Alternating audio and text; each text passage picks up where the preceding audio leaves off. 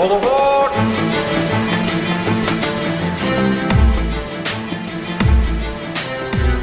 Welkom bij de Goede Reis Podcast, de leukste wegwijzer voor onderweg. Deze podcast is een productie van BNN Nieuwsradio en Columbus Travel. Mijn naam is Geert-Jan Haan. En leuk dat je ook deze aflevering weer luistert naar de Goede Reis Podcast. We gaan het namelijk hebben over winterkamperen. En dan denk je vast, ja, is dat nou iets om in de decembermaand warm van te worden? Eerder koud. Maar goed, wat is dan het idee achter winterkamperen? Is dat met een wintercampertje of een wintertent op een wintercamping staan? Ja, eigenlijk wel. Maar welke variaties er zijn, dat legt Adriaan Hogevorst de Jong uit. Hij is van GoBooney, dat is een deelplatform voor campers. En toen ik eenmaal met hem sprak over onder andere dit onderwerp, toen kwam er veel meer op tafel te liggen. Namelijk het feit dat GoBooney hard op weg is om de grootste camperdeelplatformplek van Europa te worden. Dat ze de Nederlandse markt al hebben veroverd, maar dat ze ook in landen als Duitsland en Frankrijk heel graag de grootste willen worden. En dat gaan ze proberen mogelijk te maken met een nieuwe kapitaalinjectie. Dat is vers van de pers. Dat is eigenlijk het nieuws dat je nu in de Goede podcast hoort. Er is een Amsterdamse durf-investeerder. Die gooit er miljoenen tegenaan, omdat ze vertrouwen erin hebben dat GoBooney eigenlijk een nog groter succes zou kunnen gaan worden. Ze hebben een vloot met duizenden campers, die verhuren ze. Die kunnen mensen dus huren als ze geen interesse hebben in het kopen van een eigen camper, als ze er een keer kennis mee willen maken of verschillende dingen willen proberen. Nou, over al dit soort zaken en natuurlijk over dat winterkamperen heb ik het met Adriaan. Maar om te beginnen ben ik toch benieuwd naar de naam. Want zeg ik het nou goed of zeg ik het nou fout? Adriaan Hogevorst de Jong van GoBooney. Is het nou GoBooney, GoBoney? GoBooney. GoBooney, hè? Ja. Nieuw- Nieuw-Zeelandse roots, die naam. ja. In jargon eh, ben jij, en heel erg leuk dat je er bent, ben jij Head of Marketing bij de Travel Scale-up GoBooney, wat een internationaal peer-to-peer deelplatform voor campers is. Kun je dat in gewone taal aan mij en de luisteraar uitleggen? Zeker, ja. Eh GoBooney is eh, een soort eh, Airbnb-platform. Waarop privé-eigenaren, particuliere eigenaren van campers hun voertuigen aanbieden aan andere mensen die op reis willen.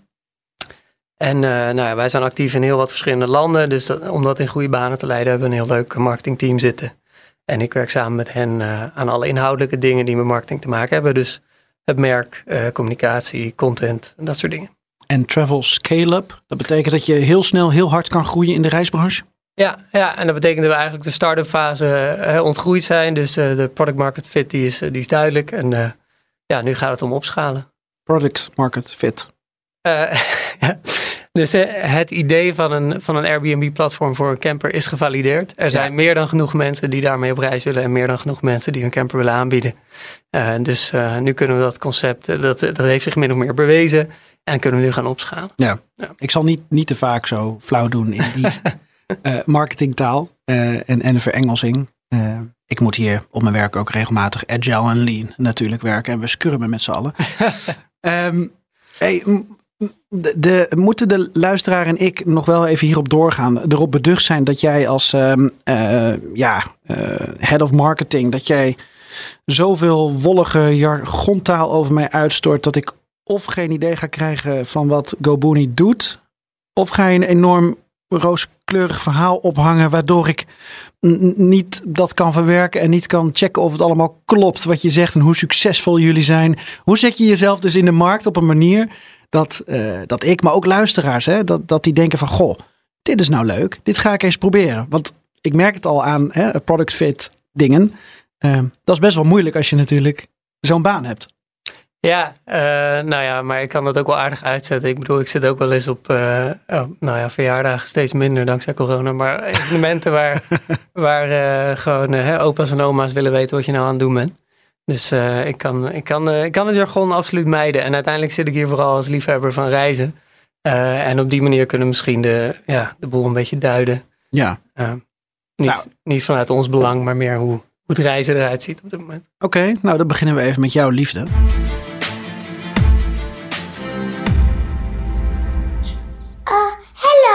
Mrs. Campervan. Hello. We're going on holiday. Can you tell us the way?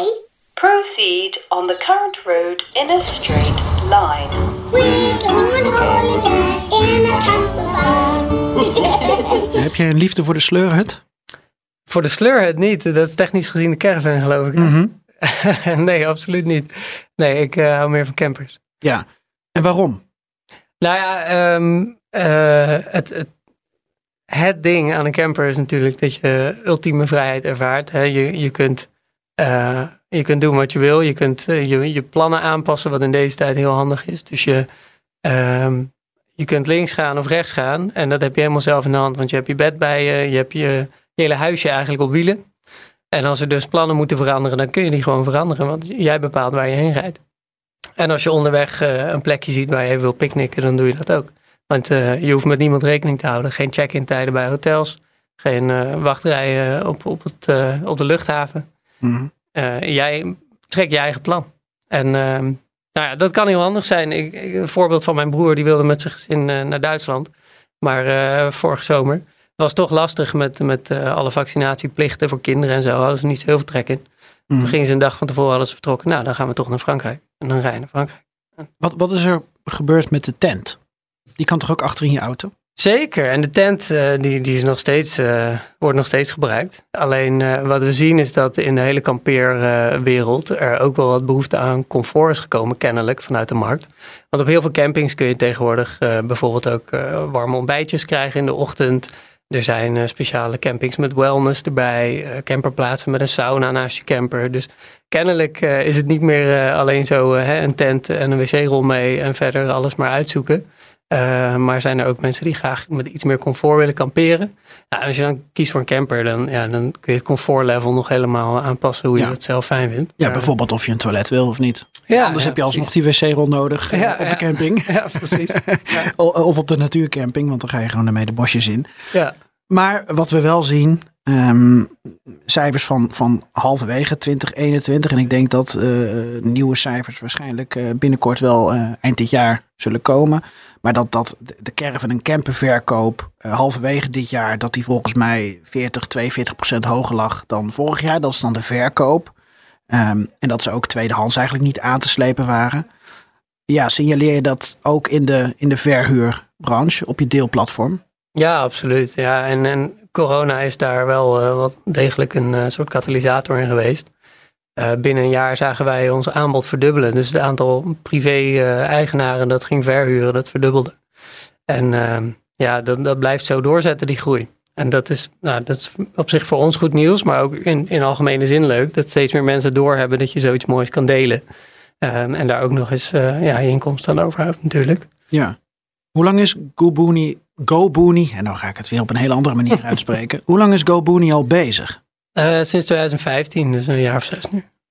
Dat is hartstikke pre-corona. Ja, nee, klopt. En, eh, en de trendlijn die we zien sinds corona, die, die was er al. De campermarkt zat enorm in de lift. Eh, de, de vraag naar, naar huurcampers nam alleen maar toe, jaar over jaar. En nu krijgt het gewoon een extra zetje, maar die, die trend die was er al lang. Ja. Is het publiek dan in coronatijd de afgelopen twee jaar veranderd? Of heeft zich dat verbreed? Mensen die, die een camper huren op een deelplatform? Ja, verbreed wel, want we zien dat, eh, dat het grootste deel van de mensen die huurt eh, bijvoorbeeld nog geen of weinig ervaring heeft met camperreizen. Dus er, er is wel degelijk een grote groep mensen die nu voor het eerst in aanraking komt met het idee van, eh, van een campervakantie. Ehm, ja, en dat zal, dat zal zeker ook door corona zijn gekomen, omdat heel veel alternatieven gewoon niet meer zo mogelijk waren. Heb je zicht op wat voor soort mensen bij jullie een camper huren? Ehm, ja, er, zijn natuurlijk eh, altijd eh, uithoeken te verzinnen. Eh, dat, dat, dat 90-jarigen het ook doen, dat 18-jarigen het ook doen. Maar waar zit de bulk? Ja, de bulk zit, eh, zit eigenlijk in twee groepen. Eh, het onderscheid zit tussen of mensen wel of niet rekening moeten houden met, eh, met eh, schoolvakanties. Eh degenen die dat wel moeten, dat zijn dus de gezinnen met kinderen. Dat is een hele grote groep. En daarnaast heb je de mensen zonder kinderen die kunnen reizen ook buiten de vakanties wanneer ze maar willen. En dan zie je, ja, dan zie je dat eigenlijk in alle leeftijden. Dus bijvoorbeeld stellen eh, tussen de 25 en 35 jaar, maar ook eh, middelbare leeftijd en ouder richting pensioen. Ehm, ja, dus eigenlijk als je het zo bij elkaar noemt, eh, eh, hoop verschillende mensen. Is er nog een verschil tussen de groep die campers koopt en campers huurt? Leeftijdsverschil, inkomenverschil ongetwijfeld. Ehm, nou, ik wel de indruk dat het verschil kleiner wordt. Uh, juist omdat we wat we zien bij nieuwe verhuurders, is dat veel mensen bij de aanschaf al rekening houden met het verhuren. Dat ze op die manier hè, dat voertuig kunnen financieren. Wat voorheen misschien niet zo, waren mensen daar zich niet zo bewust van dat het kon. En dus kochten minder mensen een camper.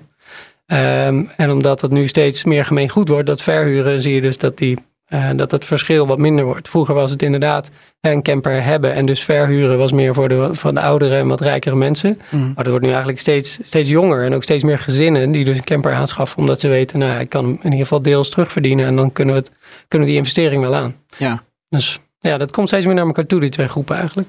Jij bent internationaal georiënteerd. Uh, niet, vanuit, niet alleen vanuit uh, GoBooney, maar ook vanuit je eigen interesse. Uh, kwam wat interviews met jou tegen waarin je al aangaf dat je uh, binnen niet afzienbare tijd waarschijnlijk uh, gaat emigreren uh, met je vrouw en je kind. Eén, je bent vader van één kind, toch? Klopt. Ja, ja. Dat, je weet nooit hoe gedateerd dat interview is natuurlijk. Hoe kijk jij dan naar um, hoe Nederlanders naar een deelplatform als GoBooney kijken? want ik had altijd de indruk dat, hoewel we ons best doen met allerlei deelplatformen in Nederland, dat Nederlanders ook wel een soort eigendomscultuur hebben. Zo van we willen het hebben in plaats van we willen het delen. Hoe kan je dat vergelijken met andere markten, andere landen? Um, nou, ik, ik weet niet of ik daar zo direct heel grote verschillen zie. Um, ik denk dat het idee van bezit uh, en het steeds meer bewegen naar, naar gebruik uh, en of delen dat dat uh, in algemene zin iets is waar, waar mensen aan hebben moeten wennen en nog steeds misschien aan wennen. Maar dat dat wel iets is ja, waar we gewoon naartoe gaan met z'n allen. En dat zie je niet alleen uh, deelplatforms voor campers of voor auto's, uh, maar ook al, allerlei abonnementsmodellen en dergelijke. Dat ja, bezit gewoon niet altijd een heel duurzaam model is. Nee.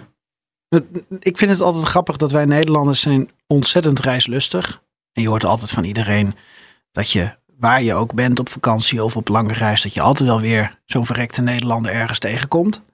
Tegelijkertijd hebben wij Nederlanders ten opzichte van andere Europeanen een enorme uh, cultuur als het gaat om het bezit van een huis bijvoorbeeld. Hè? Dus wij, wij hebben al decennia lang een cultuur waarin we een huis moeten hebben en kopen. Daar is alles op ingericht, hè? onze generatie ook. Van ja, wanneer, wanneer ga je nou een huis kopen? Alsof dat de, de, de stap is die je gaat maken. Tegelijkertijd zijn we zo reislustig dat je daaruit kan concluderen, we zijn heel graag uit huis.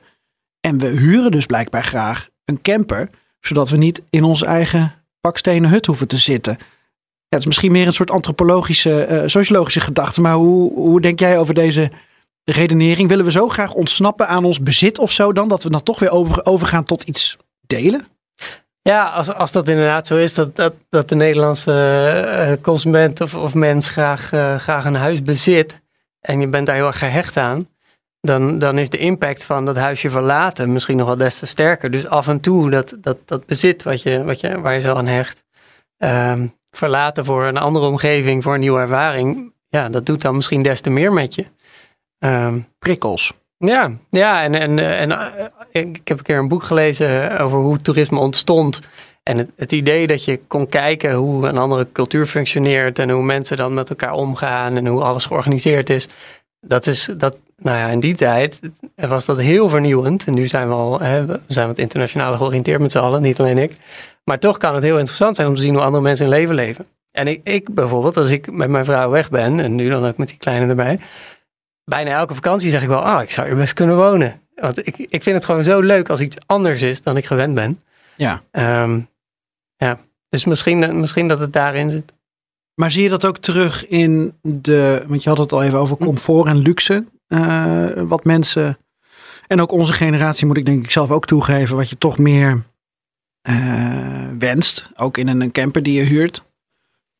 Uh, ja, zie je dat daar misschien ook in terug? Dat wat we thuis hebben, dat willen we ook graag in de camper hebben. In plaats van dus die tent achter in de auto gooien en, en dan maar met een wc-rol ergens de bosjes induiken?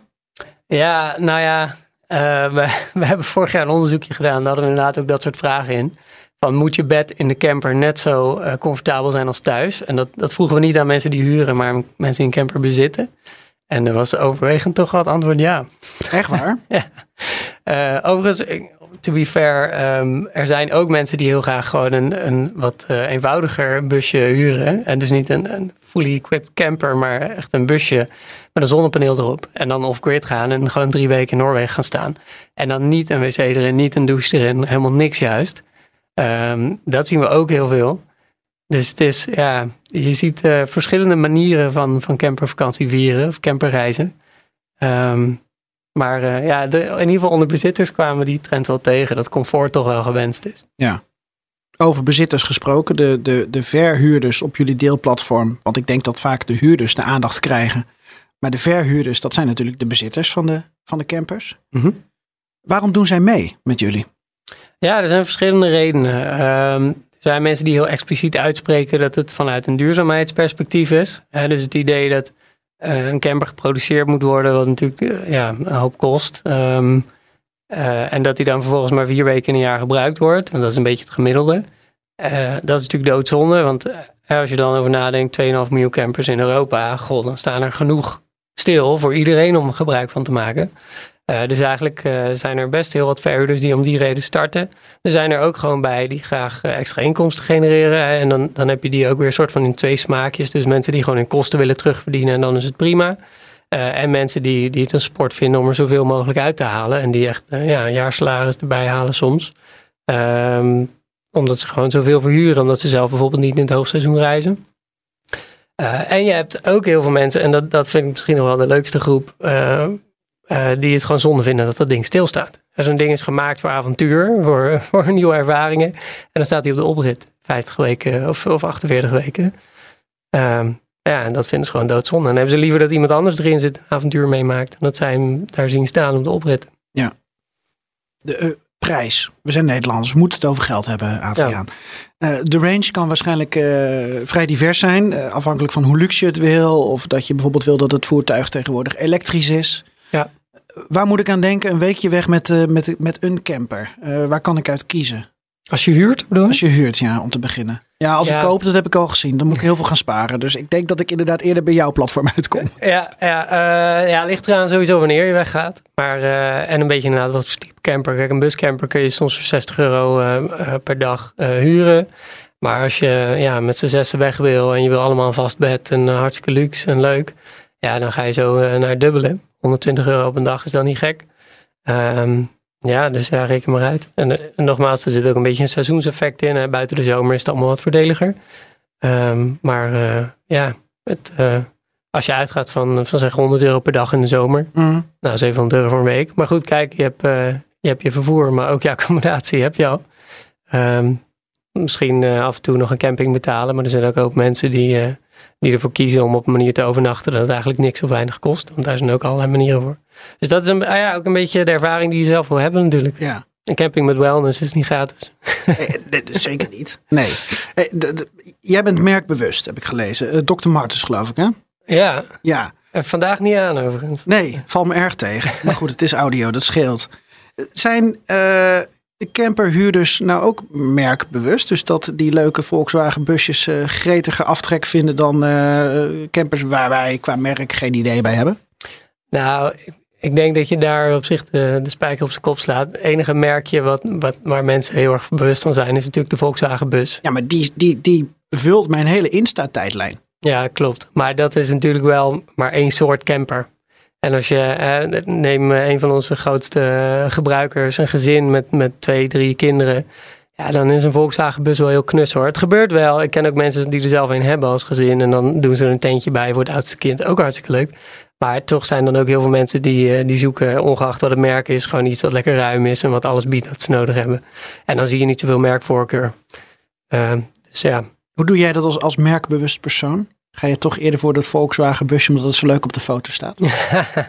Of kijk je toch naar wat, wat is praktisch met z'n drieën? Hè? Want jij bent dan een klein gezin. Kijk je Ja. daar toch eerder naar? Nou, de laatste keer dat wij eh, reisden was, eh, was die kleine zes maanden. Dus toen maakte het allemaal niet zoveel uit. En toen hadden we inderdaad een Volkswagen T2 eh, van, eh, nou ja, 40 jaar oud. En dat, ja, dat, dat was wel heel gezellig. en, Ja, en maar deed, voor de deed je dat vanwege het merk? Ja, toch wel een beetje die ervaring. Als je dan, hè, dat was ook eh, was onze eerste keer volgens mij. Of in ieder geval de eerste keer ook van mijn vrouw dat ze met een camper wegging. Ja, die wilde dan per se wel zo'n leuke oude Volkswagen bus. En eh, ja, dat was wel een hele leuke ervaring. Het, het rijden was, was af en toe spannend, maar Ja. eh, Wat zou je dan een volgende campertrip eh, wensen? Wat, wat zou je toch wel of niet willen? Ik, ik neem jou gewoon even als een doorsnee Ja. consument dan. ja, hè? ja, nou ja, ik zou, ik zou de volgende keer wel voor iets meer comfort kiezen. Dus wel gewoon nog een, een buscamper en niet zo'n zo'n eh, zo'n heel groot model, want we zijn toch echt maar met z'n drieën. Maar wel bijvoorbeeld met een vast bed. Zodat je niet elke avond alles hoeft om te bouwen of dat je hoeft te klimmen in het dakje Mhm. en het hefdakje. Eh, dat zou ik persoonlijk wel prettig vinden. Ja. Eh, maar verder heb ik niet zoveel eisen. Ja, we- weet je, wij zouden dan toch naar een leuke camping gaan. Wij zijn eh, toch ook een beetje op basis van het verblijf onze keuzes maken. Dat vinden wij ook gewoon leuk. Dat we leuke buren ontmoeten. Dat we ergens een vuurtje kunnen stoken. Dat, dat soort dingen vinden wij dan belangrijk. Ja. Ehm, kijk, als je, als je echt gaat rondtrekken en je wil gewoon vier weken door Europa, en het maakt je niet uit waar je belandt, dan is het handig als je wat meer spulletjes aan boord hebt. Zoals een douche of een wc. Maar dat zou voor ons niet zo heel relevant zijn. Dus dan, Nou ja, misschien ook wel als je plan hebt om echt de bergen in te gaan. Ja. eh, dat je toch wel even kijkt naar het vermogen van... eh, ja, absoluut. Ja, ja, dan moet je wel even, even goed, eh, goed kijken wat je huurt. Ja. ja, wat, wat zijn nou echt eh, beginnersfouten voor mensen die op jullie platform komen? Eh, heel veel prikkels en impulsen krijgen en, en keuzestress van waar moet ik nou op letten? Ja, nou dat is het misschien wel. Misschien is het heel overweldigend als je de camperwereld nog niet zo goed kent en dan zie je duizenden eh, opties. Ja, eh, hoe moet je die keuze dan maken? Dus eh, dat proberen wij natuurlijk ook zo makkelijk mogelijk te maken. Waar, waar laat je mensen op letten? Als je een paar punten moet noemen. Ja, nou ja, inderdaad, met hoeveel mensen ga je weg en wat wil je gaan doen? Dat is ook belangrijk. Inderdaad. Zoals jij al zei, als je de berg in gaat, heb je het anders nodig dan wanneer je grotendeels op één plek gaat blijven. Ja. Dus dat zijn de hoofdvragen. Wat ga je doen en met wie? Hebben jullie eigenlijk ook eh, zelf campers in beheer of is alles verhuur en dus huur? Eh, ja, Nee. huur sowieso, maar Wij hebben geen eigen vloot op dit moment. En Nee. dan, hè, dat, een vloot zou dat dan zijn. ja, zo, ja, zo noemen we dat wel eens. Eh, maar het is natuurlijk ontstaan vanuit de gedachte dat er zoveel campers beschikbaar zijn die er al zijn. En dat we vooral die willen benutten en laten delen en delen met elkaar. Ehm, dus ja, vanuit die gedachte hebben wij geen eigen campers. En hoeveel campers zitten er momenteel in de deelvloot? Eh 5500. Ehm, maar ja, dan komen er elke dag bij. Dus eh, volgende zomer zullen dat er eh, minstens 8000 zijn.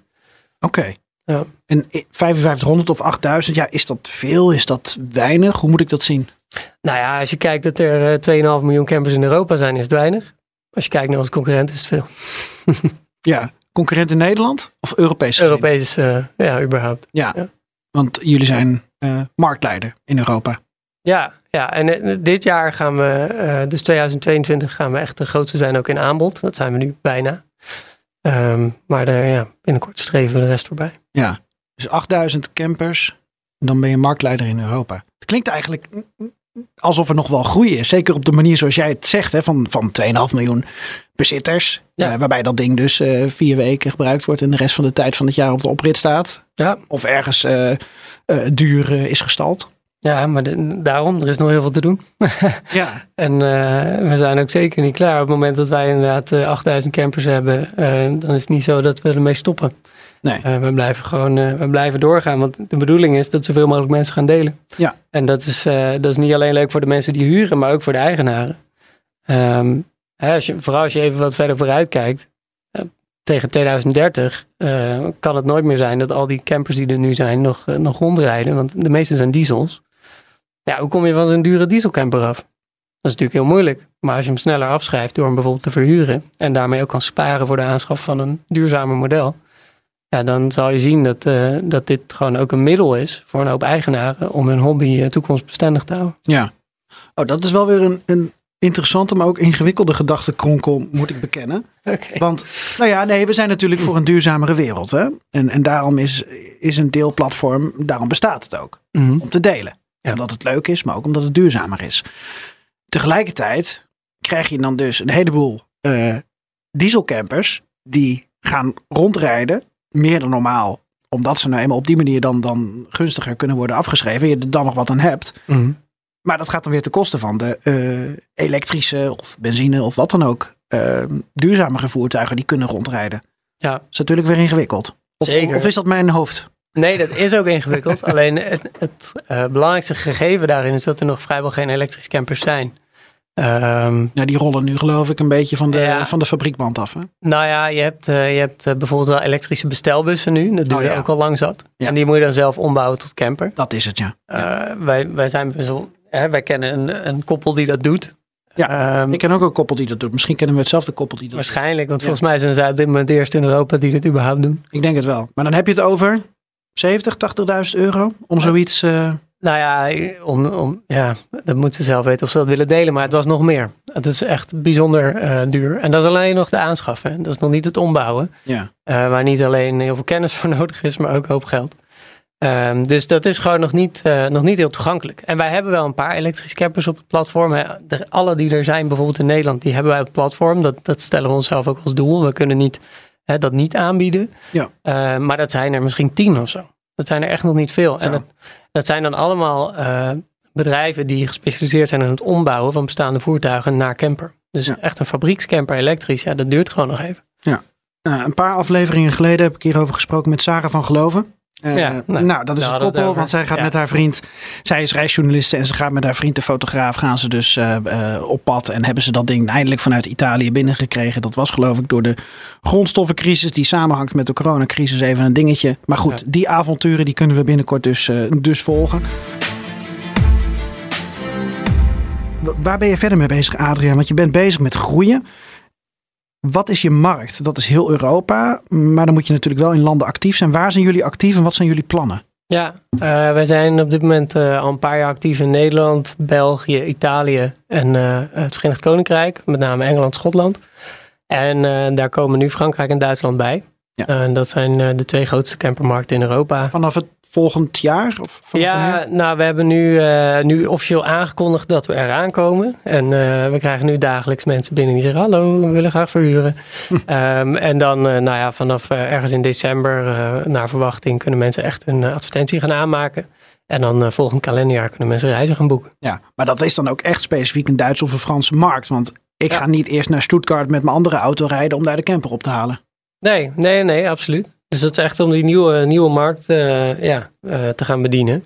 Ja. Eh, overigens, wat we over, over de grens een camper ophalen, dat, dat zagen we in ieder geval voor corona wel veel gebeuren van Nederlanders die naar Schotland gingen en naar Engeland. Oh ja, Om daar dan, dan namen ze de ferry en pakten ze daar de camper.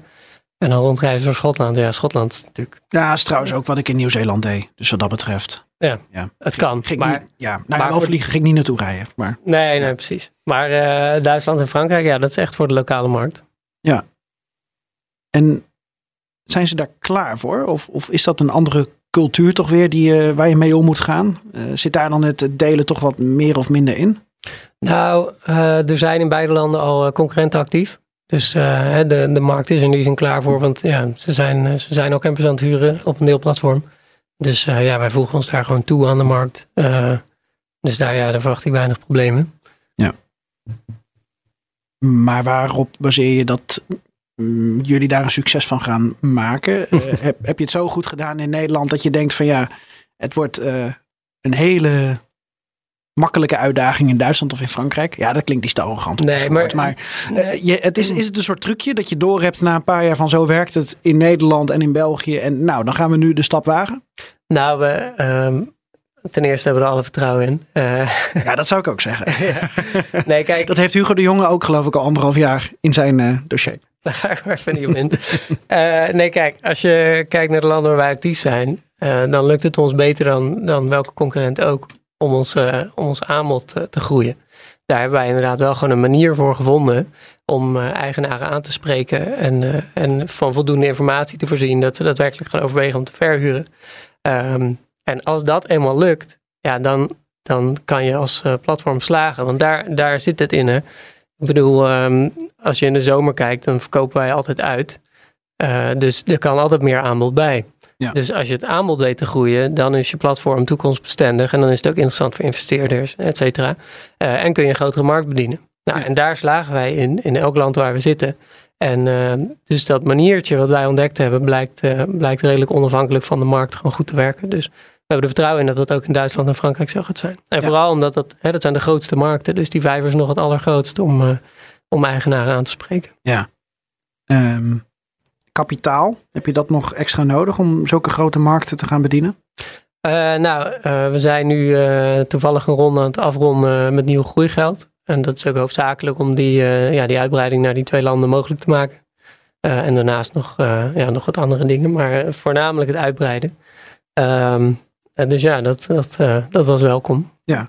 Maar als je geen eigen vloot hebt, eh, waar heb je groeigeld dan voor nodig? Puur voor marketing en PR? Ja, toch om, eh, hè, om de markt te benaderen inderdaad en, eh, en dat aanbod te groeien. Eh, maar ook voor, eh, voor goede producten. Kijk, die, die eigenaren die, eh, ehm, die willen natuurlijk eigenlijk ervoor zorgen dat zij geen werk hier aan hebben. Dus dat, eh, dan heb je het ook over een eigen verzekeringsproduct. Dat geïntegreerd is in het platform. Oh ja. Zodat als iemand start, dat hij meteen gedekt is. Als die verhuurt, hoeft hij dan zelf niets aan te doen. Nou, dat soort partnerships, die moeten ook worden opgetuigd. Daar gaat natuurlijk ook wat eh, product development in. Dus ja. Ja. eh, Kun je mij een schatting geven van, van over hoeveel geld we praten? Want ik heb natuurlijk, net als bij hoe duur een camper dan huren of kopen is, had ik ook niet echt een goed beeld van. Waar moet ik aan denken bij groeigeld voor een, een travel scale-up die jullie zijn? Ja, nou ja, ik kan het wel gewoon benoemen. Binnenkort eh, doen we het officieel, maar dan even zo.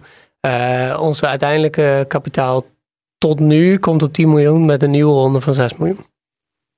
Oké. En dat is heel erg welkom. ja, ja, ja. ja, ik vraag het maar, als mag je het mij geven. Maar nee, maar daar kan je dus echt ook een hele goede campagne mee starten in die landen. Je kan daar je hele eh, digitale platform perfect mee ombouwen, denk ik. Hè? En in die taal ook aanbieden. En misschien dat daar nog andere wensen vanuit de, de lokale cultuur eh, mee samenhangt. Dat kan je daarvan faciliteren. ja, ja, precies. Mooi. Ja. Hoe zie jij trouwens eh, mijn beeld, en misschien is dat eh, bevooroordeeld hoor, maar hoe zie jij het huren van campers, van mij, vanuit mij als consument geredeneerd? Hoe zie je dat voor je na de pandemie? We, we dachten trouwens dat we nu ongeveer na de pandemie zouden zijn, maar kan me dus wel een beeld erbij voorstellen dat jullie daarover hebben nagedacht van, ja, we zijn voor corona begonnen. In coronatijd zijn we doorgegroeid en is heel veel aandacht voor gekomen. Hoe ga je nu verder? Ja, nou ja, hè, wat ik eerder ook zei, de, de campers waren al populair voor corona en zaten al in een, stijgende lijn. En ons platform net zo. Ehm, eh, corona is natuurlijk een accelerator geweest, maar ik verwacht absoluut dat als er ooit een na corona komt, eh, dat dan de campers nog steeds zullen eh, blijven toenemen in populariteit. En kijk, eh, sowieso zien we zoveel meer mensen die bijvoorbeeld campers aanschaffen. Die beginnen met verhuren, mensen die bij ons huren en daarna gaan kopen en daarna gaan verhuren. Dus die het hele cirkeltje rondmaken. Is dat ook nog een verdienmodel om te kopen en dan te verhuren? Ja, absoluut. Ja, ja. Het is toch heel erg duur om een camper te kopen. Dus moet je hem toch heel veel verhuren om dat eruit te halen? Ja, maar als je. Kijk, er zijn mensen die het puur kopen als investeringsmiddel. Hm. Eh, dus dan koop je een camper van 60.000 euro. En in de zomer vuur je hem voor 1000 euro per week. Als je Mhm. een mooie camper Mhm. koopt. Ehm, nou ja, als je hem zelf niet gebruikt en je kan hem 20 weken per jaar verhuren. Ja. En je hebt hem vijf jaar op de platform staan, dan heb je een heel leuk rendement. Er zijn mensen die zes van zulke campers kopen. Die hebben helemaal een leuk rendement. Oh, die hebben dan wel veel spaargeld. ja, Of, of die verdienen zoveel door dat verhuren dat ze dan weer de vloot uitbreiden. Nou, de, de En meeste dat wordt een soort concurrent van jullie dan op die manier. Nou, de meeste mensen die dat doen, die kunnen in één keer zes camp- campers kopen. Dus waar je vroeger een grachtenpand kocht, eh, doe je het nu in campers. Want je hebt sneller meer rendement. Eh, en bij verkoop zijn ze ook, eh, ook nog wel wat waard. En dat is niet één voorbeeld. Dan heb je het Nee. echt over honderden mensen misschien waarvan je dat weet. Of, Nou ja, honderden over, over de landen verspreid wel. Ja. Niet alleen in Nederland. Ja. Eh, maar inderdaad, ja, het is echt een investeringsobject geworden. ongelooflijk. Ja, dat is grappig. Nooit gedacht als ik een camper zag van, goh, dat is een investeringsobject. Ik dacht Nee. vooral van, eh, hoe, hoe, hoe komen die mensen in de kap om daar te slapen? Dat was dan mijn eerste gedachte altijd. Hey, hoe, hoe vind jij dat, ehm, hoe vind jij dat Nederland eigenlijk op dit moment is ingericht op camperreizen? Want eh, kijk, Nederland heeft, heeft qua, asfalt is het natuurlijk top. Hè? We hebben geen gaten in de weg en we hebben ook bijna geen bergen. Dus nou ja, je kan eh, als beginnend camperrijden, ja, die rotondes kunnen irritant zijn denk ik. Ehm, maar kun je in ieder geval een beetje eh, oefenen en je weg vinden. Nou, Als je nou kijkt naar voorzieningen, hè? eh, plekken om te kamperen, vrijheidsgevoel. we zijn natuurlijk toch ook wel een land met veel regeltjes. Ja, als overheden wat meer mee zouden werken, zouden jullie dan nog meer kunnen groeien en het nog meer en breder kunnen aanbieden? Ook om in Nederland te kamperen? Nou, ik denk dat je in Nederland best goed zit eigenlijk hoor, als camperaar. Je hebt, eh, je hebt allerlei soorten verblijven waar je uit kan kiezen. Hè, van, van campings met alles erop en eraan tot eh, natuurcampings waar je echt alleen op een veldje staat. Eh, en alles ertussen. En er is ook best veel aanbod. Dus je hebt zelfs particulier aanbod. Hè. Zoals wij een platform hebben, heb je ook Campspace, wat een platform is. voor- Nou ja, goed, dat Leuk product. Ja, ik ken Ja, het ook. Dus Ja. mensen die bijvoorbeeld een achtertuin aanbieden waar je dan je camper neer kan zetten. Dus ja, er is eigenlijk best heel veel te vinden. Eh, en ook in heel veel soorten eh, ja, manieren van vakantie vieren, zeg maar. Grappig, want ik associeer camperrijden dus totaal nog niet met Nederland. Ik denk echt van, ik moet dan naar Duitsland of, of Ja. België. Ik moet de bergen in of ik moet naar een andere plek of zo. Nou ja, kijk. Wat Huisje we, onderweg. ja, nou, wat wij vorig jaar zagen is dat eh, de meeste mensen die een camper boekten, die hadden de intentie om ergens naar het buitenland te gaan. Dus populaire bestemmingen zijn bijvoorbeeld Zweden. Eh, als, je, als je houdt van, eh, van Scandinavië, dan zijn er een hoop mensen die die kant op gaan, maar ook natuurlijk naar het zuiden, naar de zon.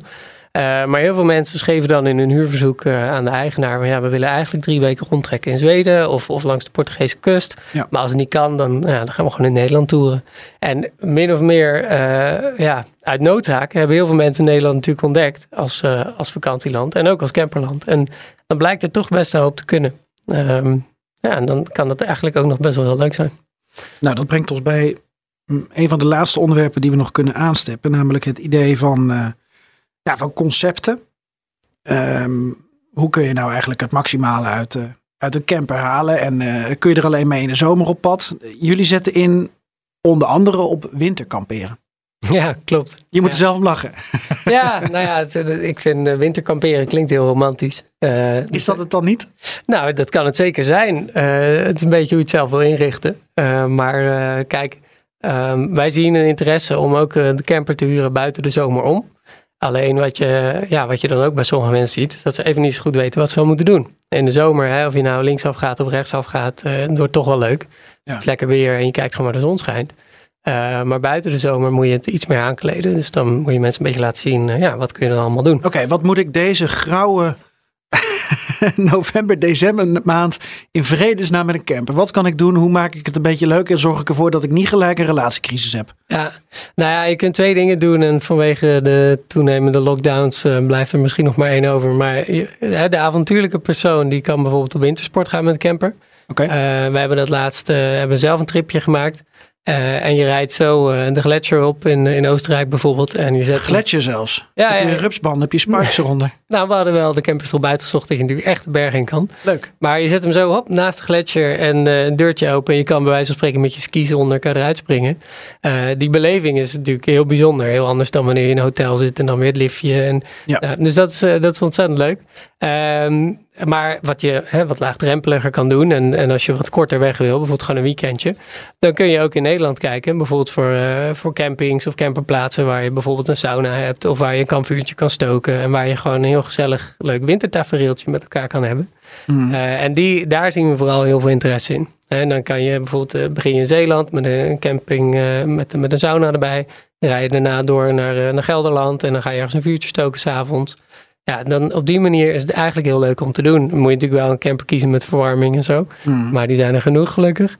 Ehm, ja, en dan kan je toch heel veel lol hebben. Zit jij... Kijk, we hebben allebei een jong gezin. Misschien zijn onze kinderen wel bijna even oud. Die van mij is bijna twee. Eh, Bijna ook. nou ja. Ja. Dan zitten we in dezelfde fase. Dan, dan is het fenomeen Landal Green Parks jou ook niet onbekend. Of in ieder geval uit jouw kring misschien. Ik weet niet of jij het weet te vermijden. Ik niet. en stiekem, als ik eerlijk ben, heb ik ook best wel veel lol aan.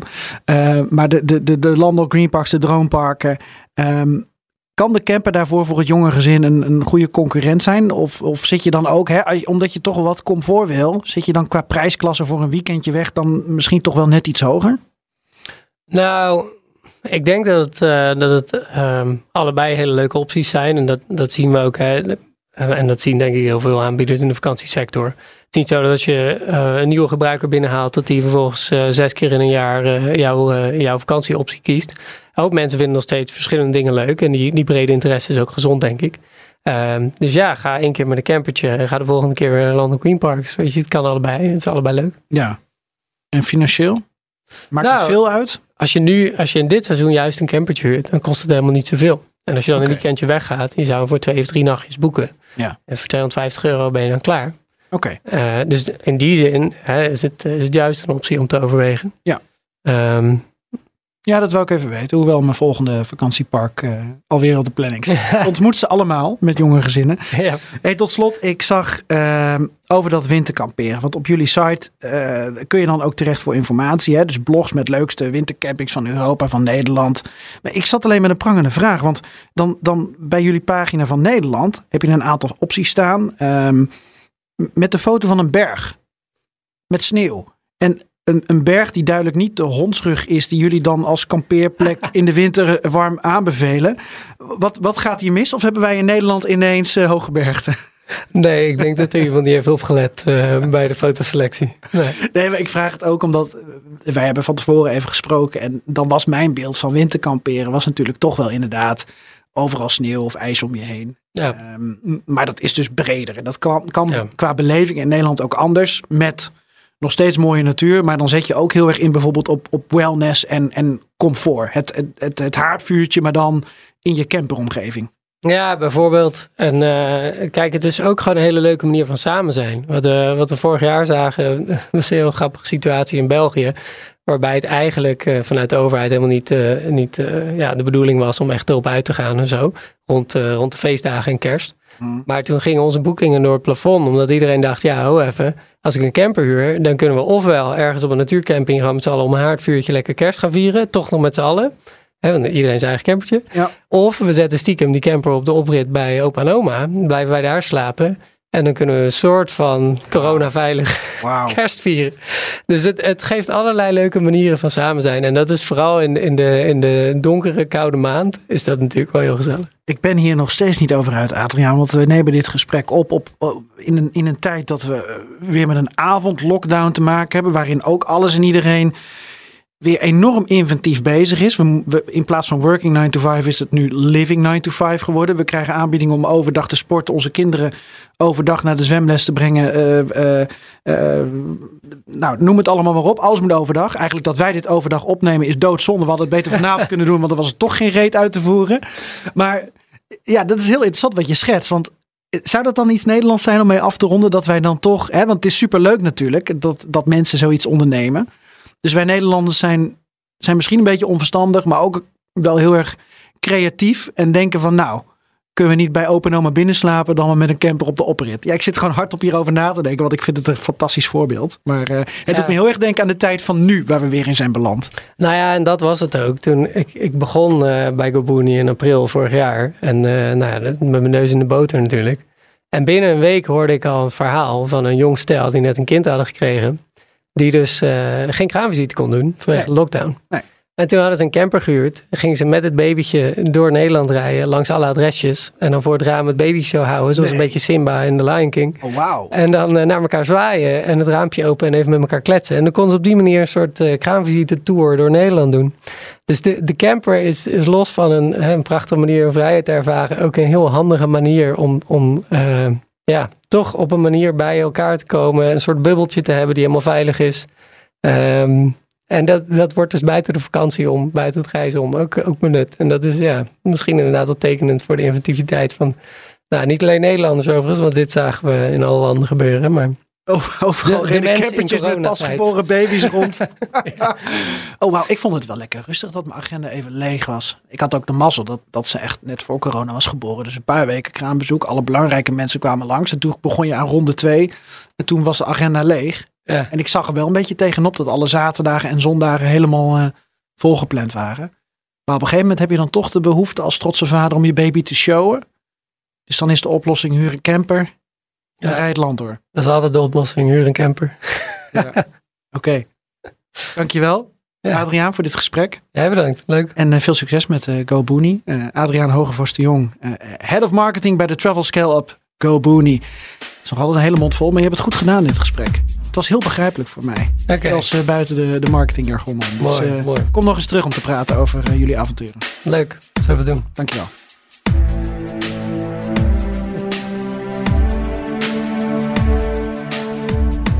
Dit was hem weer, deze aflevering van de Goede Reis podcast. Met dank dus aan Adriaan Hogevorst de Jong van GoBooney. En ik hoop dat je nog veel meer afleveringen van ons gaat beluisteren. Je kunt ze ook terugluisteren. En het mooie daarvan is dat je dan eigenlijk het hele palet aan reisopties in Europa, in Nederland, in de wereld kunt verkennen. Misschien zit er een voertuig eh, van jouw wens bij. We hebben het ook wel eens over fietsen of treinen. En al die opties kun je dus verkennen door te luisteren naar de Goede Reis podcast van BNR en Columbus Travel. Mijn naam is Geert-Jan Haan. Mocht je binnenkort weer op reis gaan, het zij in een camper dichtbij, het zij heel ver weg op de fiets. Ik wens je een goede reis.